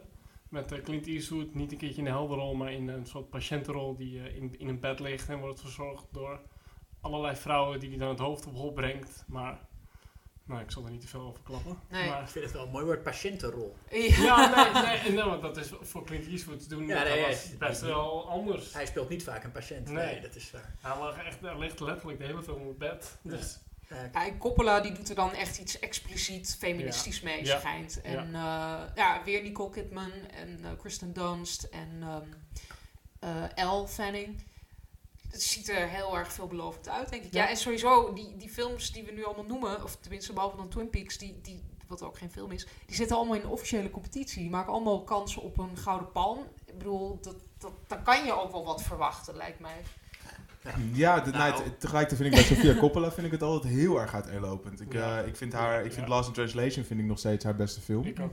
Maar Somewhere had ik niet zo van, nou jij vindt de Bling Ring eh één grote... Ik vond Somewhere, die, die, die, da, da, ja, dat was een beetje dunnetjes eh Lost in Translation weer opnieuw doen. Ja, precies. Maar ehm, ik, vond, ik vond die het wel zijn charme. Maar Ja, vond ik ook. De Bling Ring, daar, ehm, daar wil ik liever geen woorden aan vuil maken. Ik had toen ik de Bling Ring... Ja, we gaan nu een beetje van, eh, eh, van het genrefilmpad af. Maar eh, toen ik de Bling Ring voor het eerst zag, toen was ik volgens mij wel enthousiast. En toen zag ik hem laatst opnieuw en toen dacht ik... Tja, ik wil het wel leuk vinden. En er zitten wel een paar scènes in die ik wel sterk vind. Maar het komt allemaal niet bij elkaar. Het is, het is helemaal geen... Het is helemaal niet coherent. Je hebt helemaal niet het idee dat ze iets te zeggen heeft. Of dat ze er een gedachte over heeft. Maar wat heeft zij ooit zelf over die film gezegd? Wat was de reden dat zij dit verhaal wilde vertellen? Het is natuurlijk heel erg... Ik heb geen flauw. Nee, ik heb wel echt geen idee. En, en de Ja, auteur zij is ook dood. Huh? En de auteur is dood. Dus Van de maakt, maakt ook niet uit. Nee, nee, in het algemeen. Oh, gewoon zo. oh, zo. Oh, de auteur. De auteur. Oh, nee. Maar goed, gaat ze dan Nee. wel weer iets te zeggen hebben met de Beguiled? Nou ja, kijk, ze heeft tot nu toe he- al, al die films die we nu noemen, de Virgin Suicides ook, dat gaat altijd over een soort eh, eh, mensen die aanbeden worden. Marie die Antoinette. Ja. Marie Antoinette ook inderdaad. En eh, bij de Virgin Suicides ook. En dat gaat dan over meisjes in, een, in, een, in, een, in de suburbs, maar die worden aanbeden door die, door die buurjongens. En The Beguiled is iets heel anders. Ja. Dat, dat, ze wijkt af van die thematiek. Dus dat vind ik wel interessant. Misschien heeft ze een nieuw, ja, een nieuw vuur gevonden. gaat het niet over een- feministisch vuur gevonden. Ik heb geen idee. Ik Als ik maar dit net zo hoor van Sander, gaat het dan niet over een man die aanbeden wordt? Nee, het gaat, o- nee, Oh. het gaat Ja, over... publiekelijk aanbeden bedoel ik. Sorry. Oké, sorry. Nee, eh, eh, ik, het, het past in die zin wel in het straatje van Coppola, omdat, het, eh, omdat de vrouwen het heft in handen nemen, als het ware. Ja. Boven de man. Ja. En de man ligt letterlijk en figuurlijk eh, ehm, aan hun voeten. Wie is deze man in de nieuwe film, sorry? Eh, Colin Farrell. Oh, Colin Farrell. Ook al- alweer. Ja. zit Ja. allemaal, eh, Nou- maar een paar acteurs zijn er nog maar over. Ja. nee, dat is misschien meteen een mooi bruggetje naar een- nog een andere film, Meeting Girls at Parties. How to Talk to How to Girls Talk to- at Parties. Dat is de nieuwe film van John Cameron Mitchell. Want en, shocker, Nicole Kidman zit er weer in. ja, inderdaad, daar zit Nicole Kidman ook weer in. Ja, En trouwens, in Cannes gaat ook eh, eh, de nieuwe, het nieuwe seizoen van Top of the Lake, de serie van eh, Oh, Jane ja. Campion, in première. En daar zit Nicole Kidman weer in. Dus die is echt lekker Wat is er met haar? Wat ze kwam bij Lion, dacht ik, oh, ik heb haar al een tijdje niet meer gezien. En nu Ja, is ze ze zat ook in Big Little Lies, die oh ja, serie. serie. Ja. Nee, maar eh, How to Talk to Girls at Parties is de verfilming van een kort verhaal van Neil Gaiman. En hier zit ik al heel lang op te wachten, want ik ben heel benieuwd. Een soort sci-fi eh, eh, verhaal. En volgens mij wordt het heel grappig en leuk. Ja, John Cameron Mitchell is natuurlijk een hele interessante regisseur. Want ja. heeft hij sinds Hedwig, nee, sinds Short Pass misschien niks meer gemaakt? Of? Ik weet niet wat zijn laatste film was, maar hij is al heel lang niet meer iets aan het maken. Nee. Ja. Dus, eh, dus en, en, volgens mij doet hij ook al best wel lang over deze film. Want ik zag hem al jaren geleden aangekondigd. Ik was heel benieuwd. Ehm, toen werkte ik zelf nog bij een distributeur. Dus toen was ik steeds aan het vragen bij die sales agent van wanneer is die film er nou en kunnen wij erop bieden. En, eh, maar nu is hij dus uit. En eh, hij gaat niet in competitie in première, maar hij is wel te zien in Cannes. Ik ben heel, ja, het is een sci-fi comedy met, ja, ik, volgens mij wordt het heel leuk. Ik kan niet anders, dat is wel mijn verwachting. Dan nog de laatste, die was ook niet in competitie geloof ik, van Joan Junbo. Nou, van de Snowpiercer regisseur, en een van de Koreanen die ik ja. naam ik niet kan nou, uitspreken. de Koreaan, de Koreaan. Nee, die zit wel in de competitie. En dat is eh, ook heel ongebruikelijk, want het is een Netflix-film. En daar is ook veel gedoe over. En tegen de tijd dat dit te horen is, is dat misschien allemaal weer, heeft het weer allemaal wendingen genomen. Dat kan ik allemaal niet voorspellen. Maar op het moment dat we dit opnemen, is er heel veel gedoe over. eh, Netflix en Cannes liggen helemaal in de clinch daarover. Maar deze film is wel nog steeds officieel in de competitie. Maar waarschijnlijk eh, de laatste Netflix-film ooit. Want volgend jaar mag dat niet meer. We hebben het over Okja van Bong Joon-ho Ja. trouwens. Ja, we noemden hem in het begin natuurlijk al Ah, even. is- Maar dat is, dit is natuurlijk ook weer een, eh, om niet die hele discussie open te breken, maar bij de Oscars is het ook altijd een, een, een onderwerp, toch? Dat Netflix-films niet mogen meedingen naar Ja, en, en, en dit jaar was het ook met eh, OJ. eh, OJ Made in America. Maar die was De- niet van, eh, was die niet van HBO? Die ja, duur- maar, die duurde maar- 2,5 uur. Dat ja, en omdat het een tv-serie was. En volgens mij gaat dat, is dat nu ook eh, de laatste die een Oscar heeft kunnen winnen voor beste document. Want nu accepteren ze geen tv-series meer. Maar ja, weet je, gaat het niet... Ik snap, ik snap het, hele, het hele Franse cinema-stuk, maar het gaat toch uiteindelijk om wat de beste tv-serie slash film, wat het meest... Ja, het is heel veel politiek natuurlijk ook. Ehm, Gaan de Oscars sowieso over de beste films van dit jaar? Ja, dat Vaak niet, hoor. Dan, dan, dan, dan had La La Land wel gewonnen. Toch, Pasje? Daar gaan we het niet meer over hebben. Weet ik. Nee, eh, eh, ja, het is, het is allemaal heel ingewikkeld. En het is ook sowieso ehm, eh, studio's die verwachten dat hun film Oscars gaat winnen, wil, wil hem niet in première laten gaan in Cannes, want dat is te vroeg in het jaar. Dus dan krijg je dat soort politiek weer. En dan krijg je dus ook dat Netflix, die wil dan liever zijn film sowieso in première laten gaan in Toronto of Venetië, want dan zitten ze meer in dat... Nou ja, dit is allemaal heel politiek en eigenlijk zou het daar inderdaad niet over moeten gaan, maar je ontkomt daar niet aan. Films kosten ook heel veel geld, dus daar, dat, En Netflix is nu ook kwaad dat zij dan niet serieus genomen worden als, eh, want zij nemen film ook serieus, zeggen ze. Tegelijkertijd vind ik, als je op Netflix een film kijkt, dan is er altijd de optie skip intro. En dan kun je dus de voortiteling overslaan. Oh, echt waar? dus Dat wist ik dan nog helemaal niet. Moet je niet gaan doen alsof je film serieus neemt als Ja. je die optie biedt. Nee, dat, dat, daar ben ik ook wel een beetje mee eens. Ja. Dat is waar. Ja, maar tegelijkertijd bieden ze een heel groot publiek aan filmmakers. En dat, eh, ja, dat is Ja, een enorme is- macht die ze hebben. Maar ja, is die functie er echt? Skip intro? Ja, ik zag, er ik op, ik zag, ik op Twitter stond dat inderdaad, skip intro. Nou, Wauw. Dat had iemand eh, een screenshot van gemaakt. Ja, Dat is inderdaad wel erg stom van Netflix. is, Oké. eh, ja, en sowieso staan Maar- ook maar heel weinig films op van voor 2000, toch? Dat, In Nederland al. Het Nederlands aanbod is Maar bedroevend. voor mij ook in Amerika. Nee, is dat echt zo? Van, na, van voor 2000? Ja, van dat- voor 2000, ja. ja, het zijn een paar classics staan erop, maar dat is, eh, daar houdt het ook wel bij op. Dus ik vind het een beetje... eh, ze willen een beetje... Nou, misschien Maar ben het ik dan een beetje snobistisch. Maar ik heb die Netflix aan de ene kant willen ze dan een beetje, weet je wel, eh, populair eh, doen. En aan de andere kant willen ze... Nee, maar we zijn ook echt... Ja, tegelijkertijd vind ik het wel... Ik kijk, het, het is in, deze, in deze, deze tijd is het natuurlijk wel zo dat Ne- Netflix, die zo'n grote speler is... en ook heel veel geld st- stopt in film maken, vind ik wel... eh, kun je niet over het hoofd zien. Nee. Nee, En- en ik merkte ook dat ik mezelf heel irritant eh, ging vinden toen ik net die gedachte aan het formuleren was. Ik ben het er eigenlijk helemaal niet mee eens wat ik net zei. Oké, nou, dat is... Ah, ja, We is- knippen het er gewoon uit. ja, dat is handig. Hè? Dat kun je gewoon... Nou ja, maar dat zijn... En die Okja is trouwens... eh, dat is een film waar Tilda Swinton in speelt. En een heel groot beest. Ja, Gespeeld door Nicole Kidman, dat best. nee, ja, ja, precies. Ja, Nicole Kidman. In een pak. En, en Colin Farrell. Nee. weer op de schouders van de Kidman. Ja. Ja. En verder ook eh, helemaal niks over bekend. Maar eh, eh, nou ja, als je dit luistert, dan weet je misschien al lang al waar het over gaat. Dan heb je... Laatste vraag, wie denk je dat de Gouden Palmen gaat winnen? Zijn we daar nog benieuwd naar? Of is het eigenlijk niet zo heel belangrijk?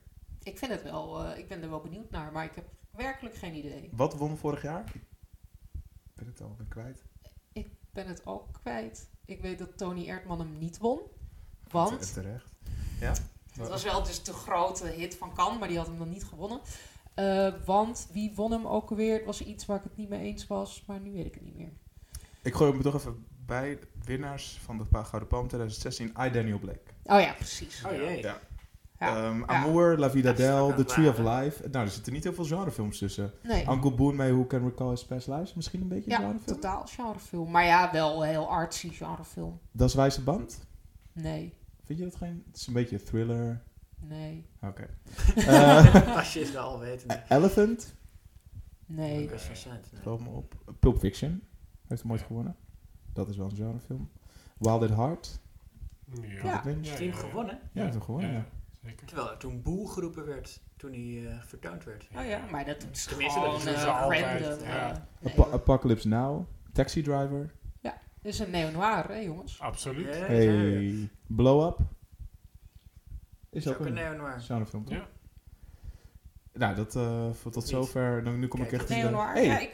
Ik zou zeggen van. The Third Man heeft hem ook ooit Third man, gewonnen. nou hier. Hey, en het bestaat 70 jaar dit jaar, hè, het festival. Dus eh Ik nou, gefeliciteerd. Dat Echt, hè? eh, Hele saaie... Nou, ik, het is wel heel effectief, maar het verbaast me dat hij de Gouden Palm gewonnen heeft. was Spielberg niet eh, de... Of nee, dat was daarvoor alweer. De, de hoofd van de jury? Eh, dat weet ik niet. We zijn echt helemaal... Die, Ik, weet- nee, ik, ik, ben, nee, ik, weet het allemaal ik niet. weet het al niet. Nee. Wanneer was de laatste keer dat Nederland hem ook alweer won? Was het karakter? Nee. Strikvraag. We hebben nog nooit gewonnen. Nee. Nou, tot zover al, het einde van de Nou. Schokkend Nieuws podcast. hey, eh, dank jullie wel voor eh, jullie eh, aandacht. Oh, ik knip dat eruit. Het filmfestival van Cannes loopt tot en met 28 mei. En dan weten we ook wie er een gouden palm of andere prijs mee naar huis mag nemen. Dat was het weer voor deze maand. De Schok het Nieuws podcast gaat iedere laatste donderdag van de maand online. Reken maar uit, de volgende kun je vanaf donderdag 29 juni beluisteren. Dan gaan we het hebben over Spider-Man. En ook goed om te weten, het volgende nummer van Schok het Nieuws magazine staat ook geheel in het teken van de film noir. Met onder andere stukken van onze eigen Julius, toch?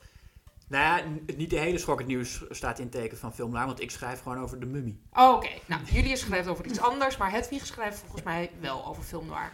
Ja. Verder zijn we heel benieuwd wat je van ons vindt. Eh, deel je mening op onze social media kanalen zoals Twitter, Facebook of Instagram.